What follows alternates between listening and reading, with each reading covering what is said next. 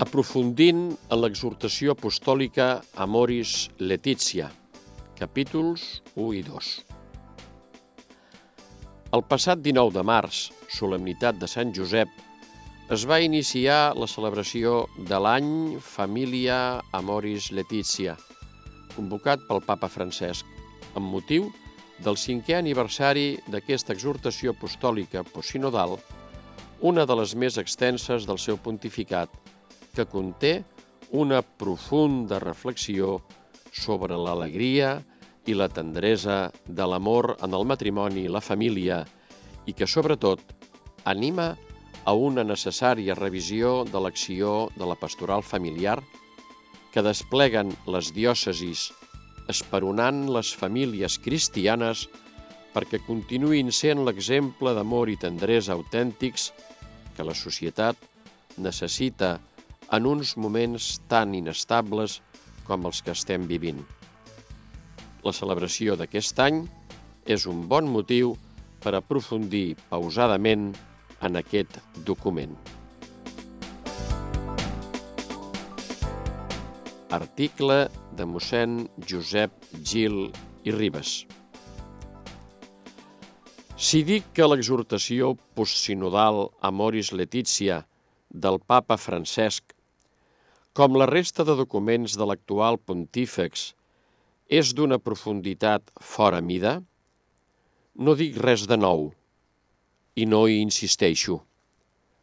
En tot cas, sí que m'agradaria dir que el text en referir-se a l'amor que es viu a les famílies, al meu entendre, deixa sense fer suficient esment del que el títol del document suggereix.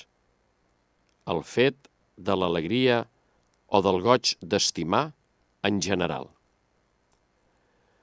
Traduir Letícia per alegria o per goig, equiparant l'un amb l'altre, em sembla poc encertat.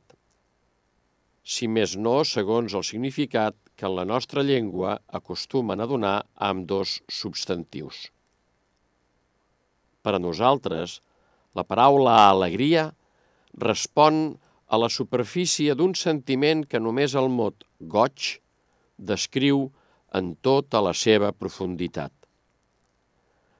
Atesa la doctrina del document, jo em quedaria amb el mot goig o joia, però ho deixo estar. Sí que, en canvi, voldria afegir dues observacions. La primera és que, de totes les fonts d'on prové l'autèntic goig i l'autèntica joia, la més important és el fet d'estimar, l'amor. La segona, que si no sentim el goig d'estimar és que no sentim prou o no estimem prou correctament. Penso que a l'amor el podem qualificar de moltes maneres, però que si en estimar, tant en el sentit actiu com en el passiu, no ens sentim plens de joia, és que l'estimació, tant la que donem com la que rebem, és deficitària. I sóc conscient que parlar d'estimació deficitària és parlar d'una cosa ben normal. Com a éssers humans que som, tot el que fem, per gran que pugui semblar o ens ho vulguin fer creure, sempre serà deficitari i, per tant, millorable. Dit això, en forma de preàmbul, passo a donar la meva opinió sobre el primer capítol de l'exhortació apostòlica que parla de la font bíblica on veu la doctrina d'aquest document i d'entrada jo subratllaria la importància d'assenyalar els dos extrems que cal evitar quan es tracta de discutir temes com els que s'hi tracten i el mateix camí sinodal del qual el document vol ser el punt final. Els dos extrems són el desig desenfrenat de canviar-ho tot sense prou reflexió o fonamentació i l'actitud de resoldre-ho tot aplicant normatives generals o traient conclusions excessives d'algunes reflexions teològiques. Crec que cal agrair que el papa digui textualment a l'Església és necessària una unitat de doctrina i de praxi, però això no impedeix que subsisteixin diferents maneres d'interpretar alguns aspectes de la doctrina i algunes conseqüències que en deriven. La primera citació bíblica té un destinatari concret. Tu i la teva esposa. És a dir, la parella humana que estima i genera la vida, verdadera imatge del Déu creador i salvador en tant que ajuda mútua, capaç de resoldre la solitud que pertorba i que no és aplacada per la proximitat de tantes coses de què solem embolcallar-nos i capaç de generar una comunió d'amor fins a arribar a ser una sola carn. La segona citació parla dels fills com plançons d'olivera asseguts a la mateixa taula, amb la qual cosa la família, la llar, esdevé com una església domèstica, i la seu de la catequesi dels fills, per bé que sense oblidar que els fills no són una propietat dels pares ni una inversió per quan aquests siguin vells. La citació següent parla del camí de sofriment i de sang que travessa moltes pàgines de la Bíblia. Són les ànsies i les tensions que viuen moltes famílies. Fills que marxen de casa per intentar alguna aventura o fills difícils amb comportaments inexplicables o víctimes de la violència. Com recorda el papa, Jesús no oblida la dimensió física del matrimoni, present des del principi quan, amb el pecat, la relació d'amor i de puresa entre l'home i la dona es transforma en un domini. El cert és que la paraula de Déu també s'atura i il·lumina aquestes i altres situacions de sofriment i, naturalment, la situació de crisi dels matrimonis en risc de trencar-se. El papa recorda finalment que el Crist a l'horitzó de l'amor, central en l'experiència cristiana del matrimoni i de la família, ressalta una altra virtut, més aviat ignorada en aquests temps de relacions frenètiques i superficials, la de la tendresa, que sap valorar l'abraçada. La Bíblia tampoc no oblida el problema de la desocupació i de la precarietat laboral, causa de molt de sofriment. El capítol segon del document està centrat en la realitat i en els desafiaments de les famílies.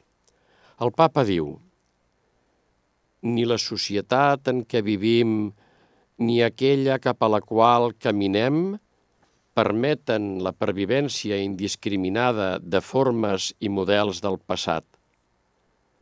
Però som conscients de la direcció que estan prenent els canvis antropològico-culturals, per raó dels quals els individus tenen menys suport que en el passat per part de les estructures socials en la seva vida afectiva i familiar. I afegeix, d'altra banda, cal considerar el creixent perill que representa un individualisme exasperat que desvirtua els vincles familiars i acaba per considerar cada component de la família com una illa, fent que prevalgui, en certs casos, la idea d'un subjecte que es construeix segons els seus propis desitjos, assumits amb caràcter absolut. Les tensions induïdes per una cultura individualista exagerada de la possessió i del gaudi generen dins de les famílies dinàmiques d'intolerància i d'agressivitat. El papa constata que, en aquest context, l'ideal matrimonial amb un compromís d'estabilitat i d'exclusivitat acaba sent arrasat per les conveniències circumstancials o pels capricis de la sensibilitat. Estem la soledat, es vol un espai de protecció i de fidelitat, però al mateix temps creix la por de ser atrapat per una relació que pugui postergar l'assoliment de les aspiracions personals. De les conclusions que de tot plegat treu el papa, jo destacaria, en primer lloc, que gosa parlar de la necessitat d'autocrítica. Autocrítica perquè sovint presentem el deure de la procreació de tal manera que queda enfosquida la finalitat fonamental del matrimoni, que és el seu caràcter unitiu, d'amor i d'ajuda mútua. Autocrítica també perquè a vegades hem presentat un ideal teològic del matrimoni massa abstracte, llunyà de la situació concreta i de les possibilitats de les famílies reals autocrítica, finalment, perquè ens costa deixar espai a les consciències dels fidels que moltes vegades responen el millor possible a les exigències de l'Evangeli, tot desenvolupant llur propi discerniment davant situacions que trenquen tots els esquemes.